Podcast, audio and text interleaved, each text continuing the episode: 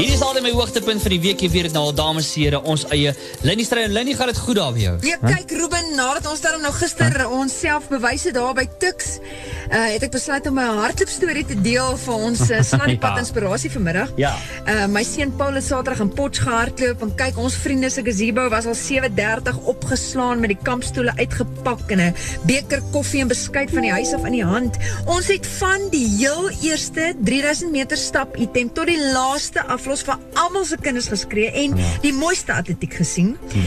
En hier einde van die byeenkoms laatmiddag sien ek 'n paar atlete in in gewone klere. Ek kan sien hulle is nie van 'n skool nie wat begin opwarm en strek en ek ek neem aan hulle swat by Potch en uh, ek ek dink tog vir myself, jong, as jy op universiteit nog atletiek doen dan dan is jy 'n ernstige atleet. Nie hmm. nie soos my ander twee kinders in die laerskool waar die massas nog opdaag vir 'n item net omdat ek 'n punt vir my huissportspan kan kry nie. Hmm. En ek kyk hierdie atlete so en ek wonder vir myself, ehm um, Ek wonder hoe ver Paul se atletiek nou sal gaan nog. Ehm um, hy hardloop eintlik nog net 'n jaar en ek weet nie wat tref my Ruben. Dit maak nie saak hoe ver dit gaan nie. Vir nou hmm. is dit net vrek lekker om te sien hoe hy hardloop ja. en hoe hy elke week nog uh, nog 'n bietjie vinniger hardloop. Hmm.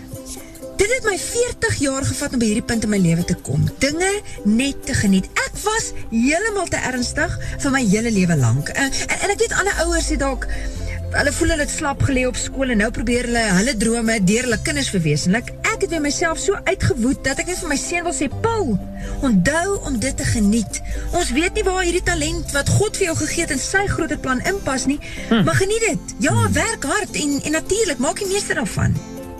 Die prediker wat um, ek vermoed seker ook maar 'n ernstige ou was, aan die einde van sy lewe kom en hy gee 'n opsomming van waaroor hy dink die lewe gaan. Uh, dit nadat hy nou regtig die diepste lewensvrae diep ondersoek het. Sommige dit as volg op en jy kan geloer daar in die inleiding van die boek in die 1983 vertaling.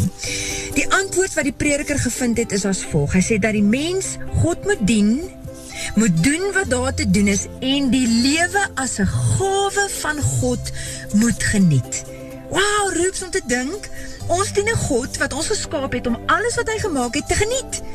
Van sy skepping tot sy ander mooi kinders en dan nog elke goeie gawe en volmaakte geskenk wat hy ons toe vertrou het. Nou, ek weet nie of Paul eendag Wade van die kerk se rekord sal breek nie en of Hugo daar by Wimbledon tennis sal speel en Nina by Afrikaans is groot sal sing nie. Mm -hmm. Maar intussen geniet ek elke oomblik aan my kampstoel langs die atletiekbaan mm -hmm. of op die koue sementtrappie langs die tennisbaan en op die harde saalstoel by die kunsfees. En ek wil vir jou ook vanmiddag sê, onthou asseblief tog net om dit te geniet. Wow. My naam is Lindy Strydom en dit was jou Sladdiepad inspirasie.